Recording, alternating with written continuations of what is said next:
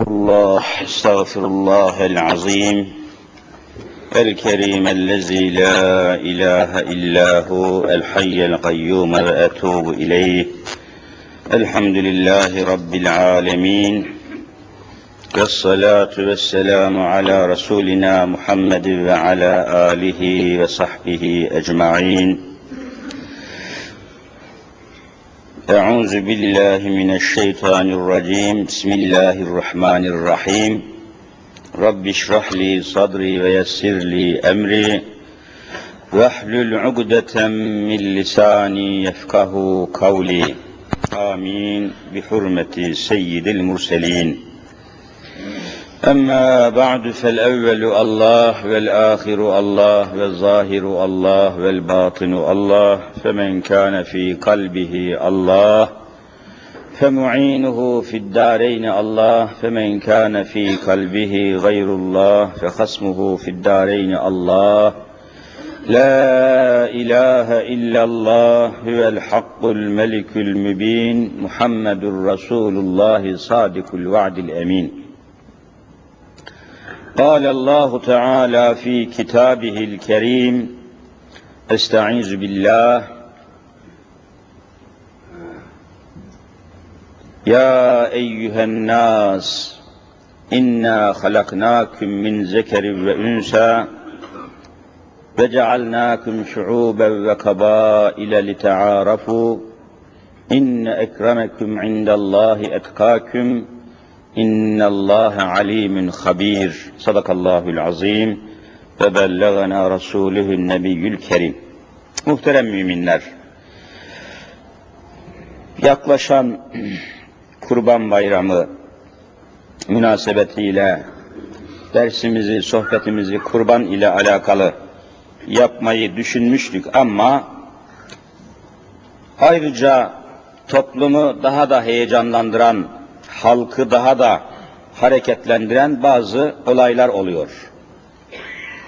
Vaka kurban bayramına belli ölçüde bir alaka var.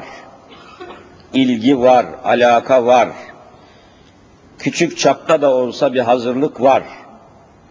Ama arzu edilen seviyede ve ölçüde fazla bir alaka, ilgi, heyecan görülmüyor. O bakımdan bu konuyu da toplumu hareketlendiren halkı, milleti, ahaliyi duygulandıran, dalgalandıran, hareketlendiren olayları da mevzumuzla irtibatlandırarak sohbetimizi günlük konular çerçevesi içinde Kur'an ve sünnet dediğimiz mukaddes kaynakların ışığıyla dersimizi, sohbetimizi yapmaya çalışalım. Allahu Teala rıza ve rahmetinden bizi ayırmasın. Selamun Aleyküm hocam. Sağ, olasın. O ne? Allah razı olsun. Bile kalsın ki. Heh. Şimdi dediğim şey şudur. Yani maksadım şu.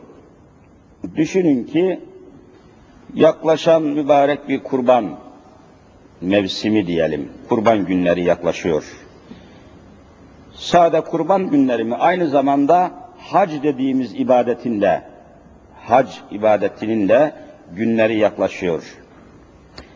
Daha bütün dünya Müslümanlarının beş vakit namazda, namazların sonunda, farz namazların son rekatından sonra malumumuz olduğu üzere selam verdikten sonra bütün dünya Müslümanlarının namaz kılanları tabi, namazla mükellef olanlarının hep bir ağızdan topluca teşrik tekbirlerinin alınacağı mevsim de yaklaşıyor. Hac mevsimi yaklaşıyor, kurban mevsimi yaklaşıyor, tekbir getirme, dünyanın en büyük tekbir getirme olayı yaklaşıyor. Fakat toplumda arzu edilen bir alaka, heyecan, hazırlık, merak yok. Merak yok. Bunun tam aksine, bunun tam aksine milli takımımız dedikleri futbol takımı, İsviçre'nin milli takımını 2-1 mağlup edince yer yerinden oynuyor. Görülmedik bir coşkunluk, görülmedik bir çılgınlık, bağırma, çağırma, kornalar, zurnalar, velveleler, zelzeleler, silahlar, mermiler, atışlar, vuruşlar, kıyamet kopuyor. Bu konuları müzakere edelim. Niçin böyle, neden böyle, nasıl böyle? Bunlara birer mana vermek lazım. Niçin toplum bu hale geldi? Niçin yaklaşan bir kurban bayramı bir futbol topu kadar heyecan uyandırmıyor? Niçin yaklaşan kurban bayramının özelliği, güzelliği, teşrik tekbirleri, Mekke, Medine, Hac, Arafat, Müzdelife, Mina, neden bir futbol merasimi kadar, daha doğrusu bir hac merasimi veya hac menasiki, neden bir futbol merasimi kadar ilgi uyandırmıyor? Elbette bunların tabii mutlak sebepler var. Sebepsiz hiçbir şey yok. Ancak yapılması icap eden şey bunların sebeplerini araştırıp neticeye çok sağlıklı bir şekilde teşhis koymak lazım. O halde buradan meseleye başlayarak devam ederiz. Önce bu olayların çok sıhhatli bir şekilde yorumlanabilmesi için, değerlendirilebilmesi için meseleye Kur'an'ın açısından bakmak lazım. Kur'an açısından bakmak lazım. Kur'an'ın penceresinden bakmak lazım. Kur'an'ın kapısından meseleye girmek lazım. Fakat geçen derslerimizde söylediğimiz gibi koskoca 65 milyonluk Türkiye'de yüzde 99'u Müslüman olduğu söylenen Türkiye'de meseleler konuşulurken, tartışılırken, değerlendirilirken, konferanslarda, açık oturumlarda, tartışmalarda, panellerde, televizyon ekranlarındaki toplantılarda gerek ilahiyatçı, gerekse İslamcı dedikleri yazarlar, hatipler, konuşmacılar, konuşmalarında, tartışmalarında kesinlikle Kur'an-ı Kerim'in varlığını hissettiremiyorlar. Dinleyenler ha şimdi bu akşam televizyon ekranında konuşan Kur'an-ı Kerim idi diyemiyorlar. Kur'an'ın varlığını, ağırlığını, heybetini, heyetini, ehemmiyetini ortaya koyamıyorlar. Konuşan Kur'an mı yoksa basit bir araştırmacı mı? Bir türlü Kur'an'ın o konuşmalarda, tartışmalarda, müzakerelerde, açık oturumlarda Kur'an'ın heybetini göremiyoruz. Ortaya koyamıyorlar. En son galiba hangi kanalda bilemiyorum, belki siz de takip ettiniz. İdam cezasını tartışıyorlar. İnsanlar idam edilsin mi edilmesin mi? Yani insanlar üzerinde ölüm cezası, devlet veya hükümet neyse, mahkeme, ölüm kararı, ölüm cezası versin mi, vermesin mi? İnsanlar ölüm cezasına çarpılsın mı, çarpılmasın mı? Avukat konuşuyor, bir diğeri konuşuyor, araştırmacı konuşuyor. Bir de İstanbul Müftülüğünü temsilen bir hoca arkadaşımız doçent ünvanıyla katılıyor. Ve orada fikrini, düşüncesini söylüyor fakat bir türlü Kur'an'ın heyecanı, Kur'an'ın kaynağı orada tecelli etmiyor. O toplantıyı sarsamıyor. O kafasından konuşan, havasından konuşan avukatları beyinlerini, akıllarını alt üst edemiyor. Susturamıyor, kıstıramıyor. Zayıf kalıyor, sönük kalıyor, cılız kalıyor. Bunun sebebi Kur'an'ın mahiyetini, Kur'an'ın muazzam hakikatini gönül rahatlığıyla özümleyerek, içinde hazmederek ortaya koyamamaktan kaynaklanıyor. Ve sanki o konuşmacılar konuştukları konunun idam cezası verilsin mi verilmesin mi? Yani insanlar üzerinde hüküm koyarken, kanun koyarken, tek kelimeyle insanlar üzerinde tasarruf ederken, hiç Kur'an'ı ve Kur'an'ın sahibi olan Allah'ı mevzu bahis etmiyorlar.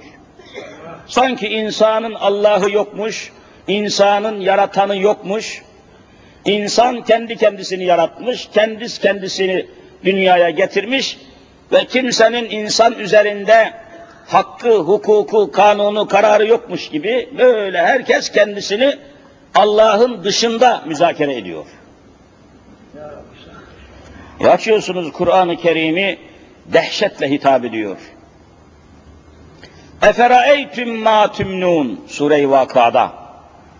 Eferaeytüm ma tümnun Ey insanım diyen kişi, ey aklı başında düşünebilen insan. Yani ayet doğrudan doğruya insana hitap ediyor. Eferaeytüm hiç mi düşünmüyorsunuz? Bizzat muhataba söylüyor. Sen ey insan, sen sen ne demek muhatap karşımızda? Ey insan, ey insanlar hiç mi düşünmüyorsunuz? Ma tümnun bir damla meniyi, meni, meni dediğimiz ana rahmine atılan insan suyu, insan soyunu teşkil eden tohum. Ayıp değil, çirkin değil, günah değil. Bir damla meniyi ana rahmine atılan o bir damla meninin mahiyetini hiç mi düşünmüyorsunuz? Efereytüm. Ne var bunda ya Rabbi? E entüm tahlukunehu em nahnul halikun. O bir damla ağırlığı bile çok düşük olan, teraziye gelmeyecek kadar küçük olan o bir damla meninin içinden insan dediğimiz bu harikulade varlığı yaratan siz misiniz yoksa biz Allah mıyız diyor. E entüm siz misiniz ya? E entüm, entüm siz demek. E entüm siz misiniz tahlukunehu onu insan yapan? Onu insan yaratan siz misiniz? Em nahnul halikun yoksa halik biz miyiz? Oturmuş ahkam kesiyorsun. Sure-i Yasin'de buna benzer bir ayet daha var. Dehşetli bir ayet. Ve Kur'an'ı okuyan bilen insanlar buna ait, buna benzer çok ayetler bulacaklar. Evelem yeral insanu enna halaknahu min nutfe. Bakın nutfe o da bir damla meni. Damla demek. Evelem yeral insanu şu insan denen şey düşünmez mi? Enna halaknahu min nutfe bir damla meniden yaratmışız onu. Feiza huve hasimun mübin. Şimdi kalkmış Allah'a kafa tutuyor. Hasim demek kafa tutan. Hasım. Hani diyor ya sen benim hasmımsın. Hasım demek kafa tutan. Karşı gelen, düşman olan, istemeyen, kabul etmeyen hasım. Feiza huve bir de bakıyorsun ki bu bir damla meniden yaratılmış insan kendisini yaratan Allah'a hasım olmuş, düşman olmuş kafa tutuyor. Sen kimsin diyor Allah'a ya? Fesubhanallah. İşte bütün problem buradan kaynaklanıyor. İnsan üzerinde konuşurken birinci sırayı konuşma hakkını, hüküm koyma hakkını, kanun koyma hakkını bir Müslüman evvela kime vermesi lazım? Allah'a vermesi lazım. Sen kimsin ya? Sen insanın yaratıcısı değilsin ki. Profesör veya profesörler insanların yaratıcısı değildir. Konseyler, parlamentolar, efendim vesair makamlar, mevkiler ne olursa olsunlar insanların yaratıcısı değillerdir. E bırakın da insanların üzerinde evvela yaratıcı konuşsun. Veya onu konuştur, sen konuşma. Evvela yaratıcı. E entüm tahlukunehu em nahnul halikun. Halik siz misiniz diyor Cenab-ı Hak biz miyiz diyor. Yani bu çok şiddetli bir ayettir. Hiç kimsenin kimseyi yarattığını iddia etmesi mümkün müdür? Mümkün değil. O halde yaratma kiminse yarattığı mahlukat üzerinde, yarattığı insan üzerinde tasarruf etme hakkı Ölüm cezası, başka bir ceza, başka bir kanun ne? İnsan hakkında karar verme, kanun koyma hakkı herkesten evvel o insanı yaratan kimse onundur. Böyle inanmayan insan kafirdir. Yaratma hakkı. Sanki insanı yaratan yokmuş. Sanki insan kendi kendisini dünyaya getirmiş. Sanki insanın sahibi yine insanmış. Sanki insanın yaratanı yine insanmış. Sanki insan kendi kendisinin yaratıcısıymış gibi bakın konuşmalara, bakın çalışmalara hiç Rabbül Alemin'in yaratıcının bahsi geçmiyor. Adam kafasından ahkam kesiyor. İdam cezası olmalı, olmamalıymış, insanları öldürmemeli. Bir insan bir köydeki bütün çocukları, kadınları kökünden yaksa, imha etse, yüz kişi idam etse bile o adam öldürülmemeliymiş. Adam konuşuyor bunu. Yani kanunlarda idam cezası olmamalıymış. Bunu konuşuyor adam. Ya bırak kardeşim sen bırak konuş. Sen evvela insanı yaratan Rabbül Alemin bu konuda Kur'an'da ne söylemiş ne söylememiş. Evvela buna bakalım. Veya o tartışmaya katılan hoca arkadaşımız o tartışmacıları çekip çevirip bu noktaya getirmesi lazımdı. Hiç uzatmadan konuşmayı, dağıtmadan, konuşmadan, meseleye girmeden evvela sen, seni yaratan sen misin? Seni yar deminki ayet gibi entüm tahlukunehu emna sen mi yaratıcısın Allah mı? Buradan başlamalıydı. Oraya getirmesi lazım konuşmayı. Kur'an'ın metodu budur. Kur'an'ın tebliğ usulü, anlatma konusu veya usulü bu şekilde başlıyor. Böyle olduğu içindir ki de hiçbir netice alınmıyor, tartışmalardan sonuç çıkmıyor. Müslümanların kafası allak bullak oluyor. Belki İslam'ın orada izzeti de temsil edilemiyor. Ya bak diyorsun be şu hocaya bak. İslam da kuvvetli değilmiş. İslam da demek ki pek fazla dikkat çekmiyor gibi İslam'ın da azameti, izzeti orada maalesef gölgelenmiş oluyor. Bu yetersizlik yüzünden. Şimdi niçin bunu ifade ettim? Efendiler, Türkiye'deki bugün tabi çok sıkıntılar var. Bunalım diyorlar, sıkıntı diyorlar, kriz diyorlar, kriz. Yavurca bir kelime, kriz. Bunları kimse inkar edemiyor. Var, bir bunalım var. Bir patlama var. Bir sıkıntı var. Toplum böyle bir bunalımın, bir gerilimin içinde. Gazi Osman Paşa mahallesindeki patlama gibi belki fırsat olsa bütün mahalleler patlayacak. Patlamaya hazır bir toplum haline geldik. Bizi bu hale getiren nedir? Bizi bu hale getiren nedir? Sebepleri nedir? Niçin bu hale geldi millet? Efendiler görüyorsunuz biz tabii dünya üzerinde, tarihte, temelde, esasta çok büyük bir milletin, tarihin en muhteşem, en muhterem, en muazzam bir milletin çocuklarıyız. Ne kadar inkar etseler de. Ne kadar inkar etseler de. Aynı zamanda millet olarak bin yıllık Müslümanız. Düşünün yani Müslüman, bu Türk milleti Müslüman olalı kaç sene geçmiş aradan? Tam bin sene. Bin yıllık Müslümanız. Yani İslam şu Kur'an-ı Kerim nazil olalı 1400 sene oluyor. Demek ki Kur'an'ın nüzulünden, nazil olmasından kaç sene sonra Müslüman olmuşuz siz söyleyin. 400 sene sonra Müslüman olmuşuz. Yani 400 sene sonra Kur'an'dan sonra Müslüman olmuşuz. Bin yıldan beri de Müslümanız. Ama bu bin yıl bin yıllık mazinin 300 senesi yani bu bin yıllık geçmişimizin son 300 senesi son tabi başını demiyorum son 300 senesi korkunç bir hatanın psikolojik yani insanın ruhuna ve kalbine baskı yapan bir yanlışın içine düşmüşüz. Nedir o? Avrupalılaşmak. Avrupa'ya özenmek, Avrupa'ya benzemek, Avrupalı olmak, Avrupalı gibi yaşamak bir sevda olarak başlamış. Tam 300 sene. Kanuni Sultan Süleyman'dan başlamış. Ve yavaş yavaş devam etmiş, son 150 sene hızlanmış. Avrupalı olma sevdası hızlanmış, çok hızlanmış. Araştırın göreceksiniz.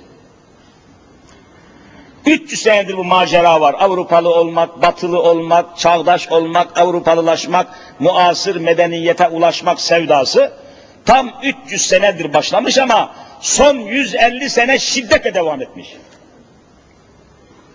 Fakat Müslüman olduğumuz için Avrupa'da istediği kadar başka taraflara çeksinler, Hristiyan olduğu için bir türlü bu sallantıda kalmışız, rölantide kalmışız. Ne Müslüman olan, olmanın imkanı ne de Hristiyan olmanın imkanı. İkisi de bulunmamış. Arada, iki arada bir derede kalmışız. Kimliksiz kalmışız. Kişiliksiz kalmışız. Yani gerçek hüviyetimizi, şahsiyetimizi bulamamışız. 150 sene evvel bir propaganda başlamış. Azıcık araştırsanız tarihte göreceksiniz. Mesela 150 yıl önce yaşamış ve bir takım yazılar yazmış, şiirler yazmış bir paşa var, Osmanlı Paşası. Ziya Paşa, kardeşimizin dediği gibi. O gün tekrar gözden geçirdim yazdığı şiirlerden bir tanesini.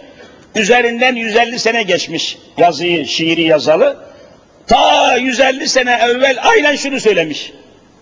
Demek o gün konuşulan mesele buymuş.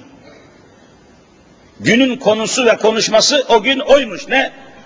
İslam imiş devlete pabendi terakki, evvel yok idi iş bu rivayet yeni çıktı diyor. Aynı onun sözü bu.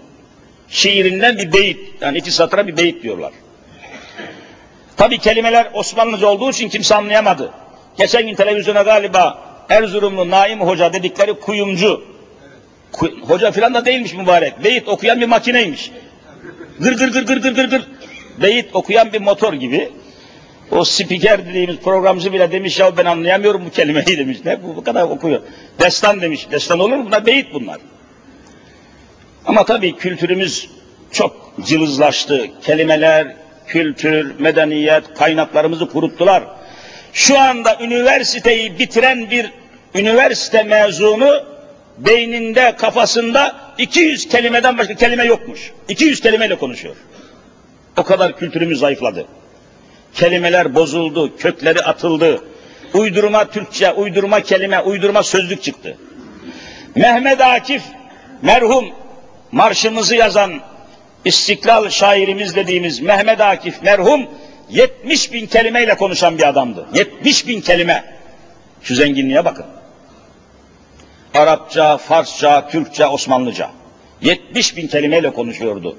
Ama bugün üniversiteyi bitiren bir öğrenci 200 kelimeyle konuşuyor. Afrika'daki Tutsi kabilesi kadar zayıf. Tutsi kabilesi. Geçen gördüğünüz daha böyle köpek ölüsü gibi adamları öldürmüşler. Kültürümüzü yok ettiler. Alfabemizi yok ettiler, kaynağımızı yok ettiler. Kur'an, Kur'an kültürümüzü bozdular, yıktılar ve çok zayıf, çok zavallı bir nesil ortaya koydular. Türkçesi Türkçe değil. Konuşması, bakın mesela bazı programlarda spikerler mikrofonu sokaktaki delikanlıya uzatıyor. Ne diyorsunuz bu konuda diyor. Adam Türkçe konuşamıyor. Vıt vıt vıt vıt kurbağa gibi sesler çıkarıyor. Konuşamıyor. Türkçeyi bilmiyor. Okulumuz okul değil. Milli eğitim eğitim sistemi eğitim değil. Bakın veremedi, okutamadı, yetiştiremedi. Adam yetişmiyor. En sonunda bakın liseler, ortaokullar eroin tekkesine döndü. Şimdi okullarda bıçaklanan bıçaklanana, vurulan vurulana. Milli eğitim iflas etti. Türkiye Cumhuriyeti eğitim sistemi Allah şahit iflas etti. Adam yetişmiyor, talebe yetişmiyor, insan olmuyor. Ziya Paşa bir Osmanlı kültürüyle, İslam kültürüyle yetmiş bir adam. Yazdığı bak bir beyit yani iki satır. Beyit demek iki satır demek malum. O günkü konuşmayı yansıtıyor bu şiirinde. Diyor ki İslam imiş devlete ha bendi terakki devlet kelimesi var orada bir de İslam kelimesi var. Pabent demek bakın eskiler bunu bilir pabent hani bir pazubent var bir de pazubent derlerdi. Eskiden şu bileklere bağlanan şeylere ne denirdi? Pazubent. Bir de ayaklara bağlanan bukağı gibi ona da pabent. Yani köstek demek. Ayak, insanın ayağını bağlayan şey. Ayak bağı, ayak kösteği. Takoz, bugün takoz diyor. Önüne koyuyorsun, ayak gitmiyor. Bu kelimelerden şu mana çıkıyor. İslam imiş devlete, pabendi terakki. Terakki ne demek? İçimizde bile var mı terakki? İlerlemek. Kalkınmak, yükselmek, ilerlemek, terakki. Diyor ki bu şiirinde ta 150 sene evvel bakın ne kadar mühim bir hadise. Devletin diyor terakki etmesine, ilerlemesine, sanayileşmesine, Avrupalılaşmasına engel olan İslam'mış. İslam'ı kaldırırsak medenileşiriz. Tam vallahi 150 sene evvel bu macera başlamış. Bu şiir yazılan 150 sene oluyor.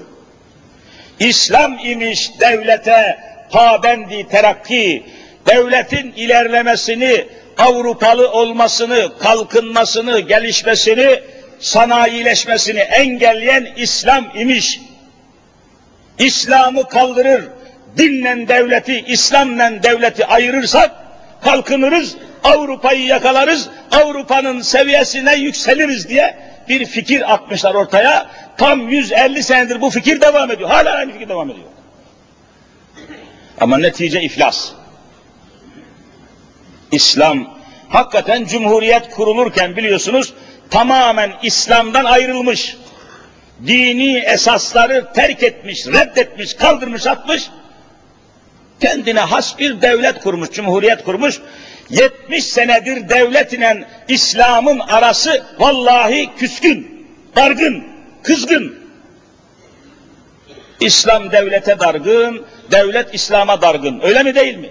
Hala öyle, hala barışmadı. Devlet hala İslam'la barışmadı. Hala başörtüsü kavgası var, namaz kılma kavgası var, İmam Hatip kavgası var, Kur'an kursu kavgası var. Hala devlet İslam'la boğuşuyor, İslam'la kapışıyor. Hala o gibi, 150 sene beri böyle bu. Hala yanlış anlaşılmadı. Efendim İslam'ı uzaklaştırırsak, İslam'dan uzaklaşırsak Avrupa bizi kabul eder, Avrupa bizi bağrına basar, Avrupa bizi benimser dediler. Bu iddia doğru çıktı mı çıkmadı mı? İşte dünkü kararı görüyorsunuz Avrupa Parlamenterler Meclisi'nin kararını. O da birine koymadılar Türkiye'yi. Yanlış bir iddia. Demek ki kimliğimizi kaybettik. Bizim kimliğimizin hamuru, mayası, esası, kökeni İslam'dı. Ondan uzaklaştıktan sonra ne doğuda tutunabildik ne batıda. Ne adam olduk ne hayvan olduk. Karışık bir şey. O zaman aslımıza dönmek zorundayız. Kendi kültürümüze. Bakın düşünün yani Avrupa'nın hoşuna gidecek diye Vehbi Koç'un oğlu vallahi Patrik'in elini öpüyor. Buyurun ya. Hiçbir din aliminin elini tutmayan bu Koç'un oğlu Patrik'in elini öpüyor ya o adamın aklı durur yani. Hoşuna gidecekmiş Avrupalının. Avrupa seni, seni benimsemiyor ki. Senin kültürün, kitabın, medeniyetin İslam'a dayandığı müddetçe, bayrağında hilal olduğu müddetçe, camilerin tepesinde hilal olduğu müddetçe, seni kabul etmesi mümkün değil. Elini de öpsen, ayağını da öpsen, vallahi Avrupalı seni kabul etmeyecektir. Bunun, bakın bu aşağılık duygusunun, Avrupalı olma sevdasının çıkmaz sokak olduğu. Çıkmıyor. Buradan gidemeyiz. Bu yol yol değil. Bunu 65 milyon Müslüman Türk milletinin halkı anladı fakat devlet anlamadı. Halk anladı. Hocam nereden bunu söylüyorsun? Şimdi ispat edeceğim bunu. Gençler anladı, çoluk çocuk anladı, Müslümanlar anladı, halk anladı. Fakat batıya kiralanmış, batıya pazarlanmış, bat Sizler hala anlamadı. Nereden söylüyor? Efendim işte geçen gün bir maç yaptılar İsviçre ile. Görüyorsunuz milli takımımız. Ben futbol konusunu tartışmıyorum. Burada toplum toplumu alakadar eden bir hadiseyi konuşacağım. Ben topu mopu müzakere etmiyorum. Toplumun içindeki bir kimlik kaygısını konuşmak istiyorum. İki bir mağlup ettik herifleri. Sahada bir oyun işte kuralları var, futbol kuralları, oyun. O esasa göre oynandı. İsviçre biliyorsunuz çok önemli bir memleket. İsviçre Avrupa kıtasında en halis Hristiyan Katolik millet İsviçrelilerdir. Bütün Avrupa Avrupa devletlerinin bayrağının hepsinde de hemen hemen haç vardır ama ayrıca çizgiler de vardır, şekiller de vardır. Bayrağında saf haç bulunan ülke hangisidir? İsviçre'dir. Saf Hristiyandır.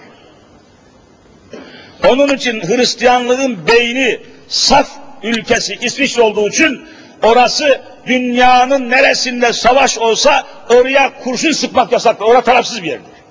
Oraya tecavüz edilemez. Yani Hristiyan dünyanın Kabe'si haşa İsviçre'dir. Cumhuriyeti kurarken İslam aile hukukunu, Kur'an'a dayanan aile hukukunu kaldırdıktan sonra aile hukukunu nereden aldılar siz söyleyin? İsviçre'den bakın, Sabir İslamlıktan aldılar. Hala bugün sizin dahi, bizim dahi çocuklarımızın resmi nikahı kıyılırken nikah memuru ne diyor? Ben de sizi medeni kanunun bana verdiği yetkiye dayanarak sizi karı koca ilan ediyorum diyor mu demiyor mu? İşte bu İsviçre kanunu bu. Hepiniz bunları biliyorsunuz. Adamlar bizi ezmiş geçmişler. Onların 70 senedir Avrupa'nın kanunları Türkiye'de uygulanıyor. Halk Müslüman, kanun Hristiyan. Toplumun patlayacak noktaya gelme sebebi budur. Ekonomik değildir, kültüreldir. Türkiye'nin problemi ekonomik değildir, iktisadi değildir, itikadidir. Biz Müslüman bir milletiz, Hristiyanların hiçbir hakimiyetini kabul etmiyoruz. Millet bunu anladı. İşte ilk defa İsviçre'yi iki bir mağlup edince, saf Hristiyan bir ülkeyi mağlup edince, bütün çoluk, çocuk, kadın, erkek insanlar bu galibiyetin, bu hakimiyetin sarhoşluğuyla sokaklara döküldü mü dökülmedi mi? Bak millet patlıyor. Bir moral takviyesi oldu. Avrupa bizi bunalttı. Sistem bizi bunalttı. Müslüman halkın üzerinde Hristiyan sistem, Batı sistem uygulanıyor. Bu gitmiyor, götürmüyor. Bizi kabul etmiyorlar, aşağılıyorlar. Bundan vatandaş bunalmıştır. Patlamanın sebebi budur. Bakın milyonlarca mermi patlattılar. Ta ta ta ta o gece. Bu millet akıncı bir millet, fatih bir millettir. Avrupa'nın elinde, Avrupa'nın önünde küçük düşmek istemiyoruz. Hadise budur. Hadise budur. Ama hala devlet adamları, hala siyaset adamları sokaktaki vatandaşın anladığı bu hakikati anlayamadı. Hala anlayamadı. Dünyanın hiçbir yerinde bu kadar devletiyle milletinin ayrı kanaatler taşıdığı millet yoktur. Korkunç bir şey bu. Yoksa bir futbol yarışmasında bir galibiyet, topun topla alakası yok bu işin. O top bir simge. Milletin adeta Hristiyanlara, Haçlı Avrupalılara karşı bir reaksiyonu, bir direnişi, bir patlaması olarak sokaklara döküldü mü dökülmedi mi? Sen buna bak. Bırak topu. Topu bırak. Millet vallahi galibiyete hasret kaldı. Avrupa kapılarında Viyana kapılarına kadar İslam'ın sancağını, bayrağını, manasını taşıyan bu millet Cumhuriyet yılları boyunca Avrupa'nın karşısında aşağılana aşağılana hakarete uğraya uğraya bakın patlama noktasına vallahi gelmiştir. O ne korkunç silah patlamalarıydı ya. Ben Şirin Evler tarafında bir hacıyı uğurlamak üzere bir evdeydik kalabalık. Kıyamet koptu. Takır takır takır balkonlardan, teraslardan, pencerelerden basıyor adam mermiyi, basıyor silahı. Hasret kalmış zafer seslerine, hasret kalmış fetihlere, hasret kalmış fatihlere bu millet. Hadise budur. Yoksa toptan bir alakası yok bu işin. Millet kızgınlık içinde 65 milyon millet Patrik'in elini öpen Vehbi Koç'un oğluna adeta tin kusuyor. Nefret ediyor, lanet ediyor. Biz böyle bir millet değildik. Onlardı bizim elimizi öpen, onlardı bizim süvarimizin özengisini öpen, biz değildik. Bizi bu hale getirdiler. Biz böyle olmayacaktık. Geçen cuma dedim hani ne oldu bize de bizi bu hale getirdiler, kısırlaştırdılar. Avrupa'ya her şeyimizi feda ettik, kültürümüzü, Kur'an'ı, Kur'an harflerini, elifbamızı, her şeyimizi feda ettik. Avrupa bize bir zırnık hala vermiyor, hala kabul etmiyor. Hala bizim paramız melun Avrupa'nın veya Almanya'nın karşısında 30 bin defa geriledi. Bak 30 bin. 30 bin defa geriledi bizim paramız. Bir Alman markını almak için 30 bin defa geriden para saymanız lazım. Ama yine hala biz adam kabul etmiyor.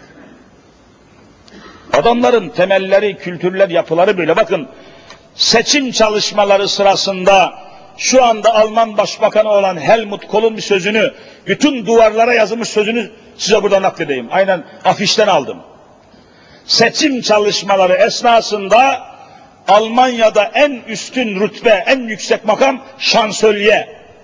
Arkadaşlarımız bilir şansölye dedi mi en üstün adam. Şövalye, şansölye. Avrupa'daki ünlü makamlar yani sosyal makamlar, üstün sınıf şeyi. Şansölye diyorlar yani. Hristiyanların göz bebeği demek şansölye. Şu anda Helmut Kohl diyorlar Alman Başbakanı. Seçim sırasında, çalışmalar sırasında bütün Avrupalılara ve Almanlara şöyle seslendi. Siz daha benden ne istiyorsunuz? Osmanlıların, Osmanlıların çocuklarını size işçi yaptım, size temizlikçi yaptım, daha ne istiyorsunuz diye gezdi. Her tarafta böyle gezdi. Avrupa'yı 600 sene titreten Osmanlıların çocuklarını ey Almanlar size işçi yaptım, size köle yaptım, size temizlikçi yaptım, daha benden ne istiyorsunuz diye diye diye seçimi kazandı, başbakan oldu yine. Avrupa budur. Sen benim külahıma anlat Avrupa'nın demokratikleşmesini. Adam seni adam yerine koymuyor ya. insan yerine millet. Şu Hollanda denen şerefsiz ülkeye bak yani Hollanda.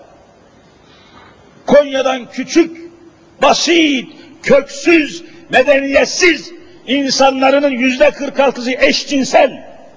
Şerefsiz bir millet Hollandalılar.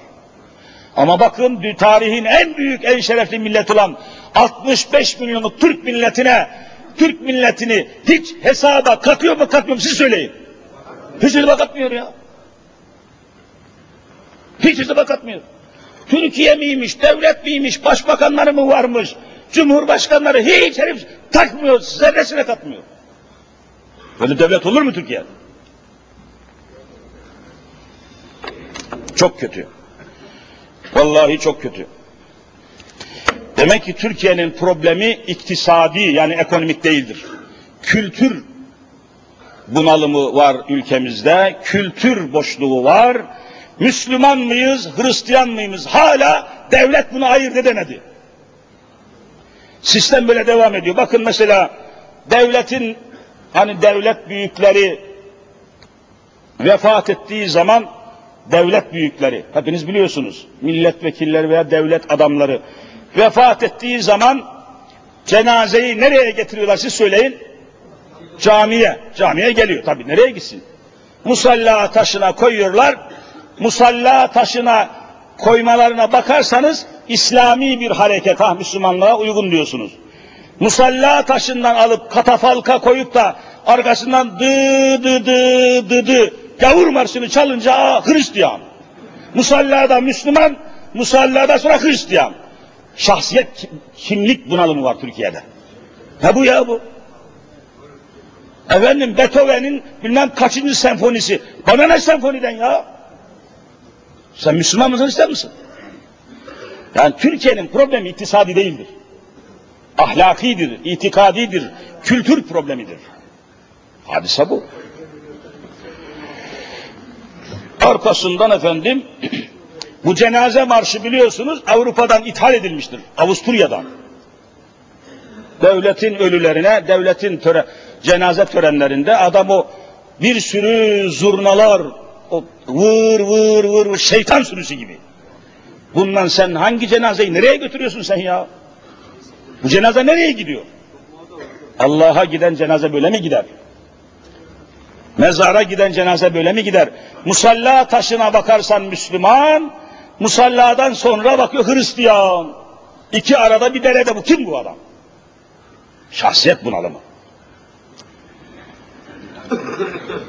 Yalnız devlet mi? Bütün sisteme sirayet etmiş. Sakıp Sabancı denen adam bakıyorsunuz koca bilmem kaç kat binalar yapmış. Sabancı Center dedikleri koskoca trilyonlara mal olmuş bir blok site yaptırmış, binalar yaptırmış. Açılış merasimi düzenliyor. Bakın açın. Hepiniz gördünüz, ya duydunuz, takip ettiniz. Açılış merasimine nereden çağırmışsa bir hafız çağırmış, bir Kur'an-ı Kerim okuyarak açtı. Arkasından gece yarısına kadar herkese şarap içirdi, viski içirdi. Hani Kur'an'la şarap yan yana geldi. Kur'an okumasına bakarsan herif Müslüman. İçki, viski içilmesine bakar, Hristiyan ta kendisi ya. Şahsiyet bunalım var Türkiye'de. Ne olduğumuz belli değil. Bunun düzelmesi lazım. Böyle gidemeyiz. Vallahi ülke böyle gidemez. Bakın korkunç bunalımların eşiğindeyiz. Yani yakında her bir mahalle Gazi Osman Paşa mahallesine dönecek. Devletin İslam'la barışması lazım. Laikliğin yeniden ele alınması lazım. Mutlak laikliğin kaldırılması lazım. İnşallah Başka türlü bu toplumu devletten, devleti toplumdan barıştıramazsınız. Barıştırıcı olamazsınız. Devamlı karıştırıcı olursunuz. Hadise çok yönlü değil, tek yönlüdür, kültür yönüdür. Bakın şimdi yani millet kurban kavgası yani kurban sevdasından acaba nasıl olur da mübarek kurban bayramı yaklaşıyor bir imkanını nasıl bulayım da bir kurban alayım diye millet düşünüyor. Çok şimdi kurban çok pahalı. Kurbanlıklar çok pahalı. Geçen gün bir sığıra yaklaşıp dedik bir bilgi alalım soralım. Bir sığır yani 100 kilo gelmez 50 milyon istedi. Sığır ya. Korkunç. Vatandaş nasıl yapayım da bir kurban keseyim sevdası, davası, düşüncesi içerisinde devletin düşüncesine bu kurban kesen Müslümanların derisini nasıl aşırayım diye hazırlık yapıyor. Hale bakın yani. Valilerin sevdasına Müslümanların derisini nasıl kaçırayım, aşırayım, çalayım, çarpayım. Böyle sistem olmaz. Böyle barışamazsınız, anlaşamazsınız, kalkınamazsınız.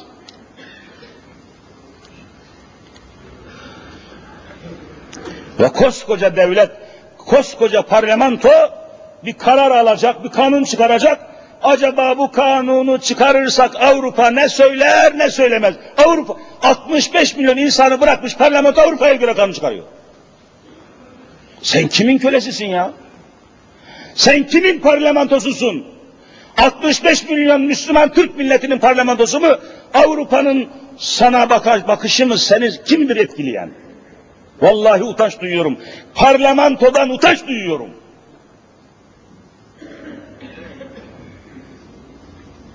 Ve tabi baskı kanunları ve son derece düşünceye baskı Türkiye'de şu anda dünyanın hiçbir ülkesinde olmayan kepazelik Türkiye'de düşünceye baskı var. Var mı yok mu? İşte yatanlar var içeride. Daha efendim inanmaya baskı. Yok diyor inandığın içinde olsa başını örtemezsin. Üniversiteye girerken senin inancını ben hesaba katmıyorum diyor. Hepiniz bunları biliyorsunuz. İnanca baskı var. Düşünceye baskı var. Yazmaya, konuşmaya, özgürlüklere baskı var mı yok mu? Var, var, var, var. Ben bunun azabını çektim. Tam 48 mahkemede yargılandım. Niye? inandığım gibi konuştuğum için. Vallahi eylem yapmadım, örgüt kurmadım, kimsenin burnunu kanatmadım, kimseye hakaret etmedim, inandığım gibi konuştum. 48 mahkemede yargılandım ve benim için Türk adliyesinin neyse Cumhuriyet savcılarının hakkımızda istediği hapis talebi, hapis cezası talebi 328 sene tuttu. Bu, bu kepazelik dünyada yok.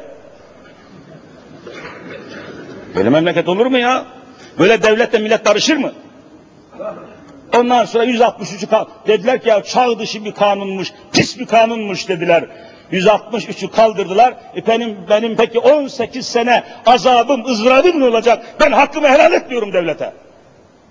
Ne olacak benim hakkım? Ezildim, anam ağladı. Anamdan emdiğim burnumdan geldi. Çoluğum çocuğum sakat oldu benim. Mahkeme kapılarında.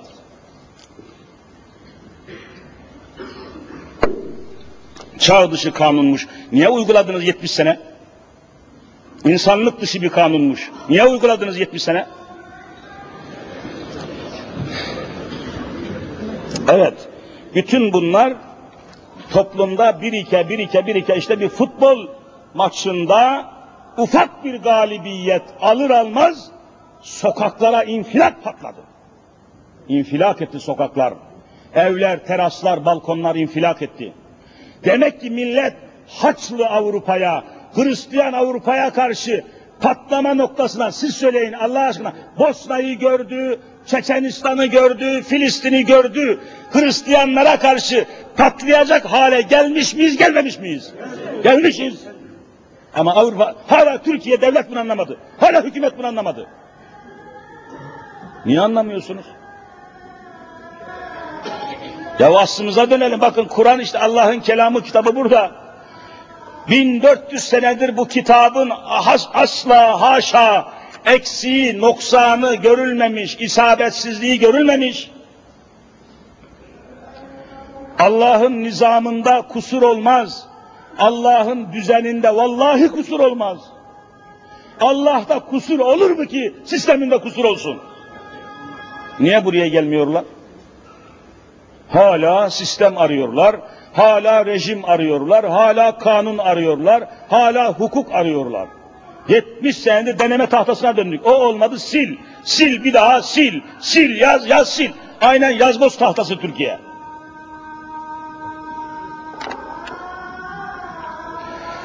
Onun için bakınız yani her şeyden şüphe etmeye başladı millet. Her şeyden şüphe etmeye başladı. Görüyorsunuz en basit bir çocuk felci aşısı. UNICEF'in teklifi. Yani bu aşının parasını UNICEF veriyor, Avrupa veriyor. Yani bu çocuk aşısı aşısının parasını, masrafını Türkiye değil, UNICEF karşılıyor. Parayı o veriyor. Verince biz şüpheleniyoruz ya diyoruz bu adam hayrımıza para vermez bu namussuz. Bakın bütün Anadolu'da çocuk felci aşısı kısırlık yapıyormuş diye bir propaganda çıktı mı çıkmadı mı? Vatandaş şüphe ediyor. Ne yapalım? Şüphelendirmeyeydin. Şüphelendirmeyeydin. Ben demiyorum ki bunu yapıyor. Ama halk şüpheleniyor. Halkı şüphelendirdiniz. Avrupa'nın karşısında halkı hakir ettiniz. Avrupa'dan hayır gelmeyeceğini bu millet anladı. Avrupa'nın insan haklarından maksadı Hristiyanlar olduğunu anladı. Müslümanları insan yerine koymadıklarını Bosna'da, Çeçenistan'da anladı, anladı. Millet anladı ama devlet anlamadı. Vallahi Müslümanları bir kere daha buradan söylüyorum. Hristiyan Avrupa ve Amerika Müslümanları evlerinde besledikleri köpekler kadar Müslümanlara kıymet vermiyorlar. Bunun aksini iddia edenin alnını karışlarım. Avrupalı evinde köpek besliyor. Yatağında köpek, kucağında köpek, mutfağında köpek, kadillağında köpek, Mercedes'inde köpek. O besledikleri köpeğe verdiği kıymet kadar Müslümanlara, Türklere vallahi kıymet vermiyorlar. Bunu millet anladı da siyaset adamları anlamadı. Bunu millet anladı fakat devlet bakanları anlamadı. İşin kötüsü burada. Allahu Teala onlara da bunu anlamayı nasip etsin inşallah. Allahu Teala kimliğimize, kişiliğimize, şahsiyetimize, haysiyetimize, ciddiyetimize, cinsiyetimize, cibilliyetimize, emniyetimize, ehliyetimize dönmeyi nasip eylesin inşallah. Yeniden İslam ile yoğrulup, hamurla, mayamızla, İslam'la yoğrulup, Avrupa'nın karşısına bir bütün olarak çıkmayı Allah bize tekrar nasip etsin inşallah. Allah bu millete Bosna'da öldürülen çocukların hesabını sormaya bizi muktedir eylesin inşallah. Avrupa'dan hesap soracağız Allah'ın izniyle. Bu gayrette çalışmalıyız. Bizi hor görmenin cezasını vereceğiz Avrupa'ya. Bizi hakir görmenin, bizi adam yerine koymamanın cezasını Avrupa'ya inşallah göstereceğiz Allah'ın izniyle. Cenab-ı Hak bizi buna muvaffak eylesin. Böylece eh, kurban bayramına az kaldı. Kurbanla alakalı çok ciddi meseleler var. Bugün bunu konuşayım dedim ama toplum olayları öne geçti. Haftaya Allah nasip ederse burada kurban ile, kurban kesmekle, kurban almakla, kurban hayvanlarına ortak olmakla alakalı çok ciddi meseleler var.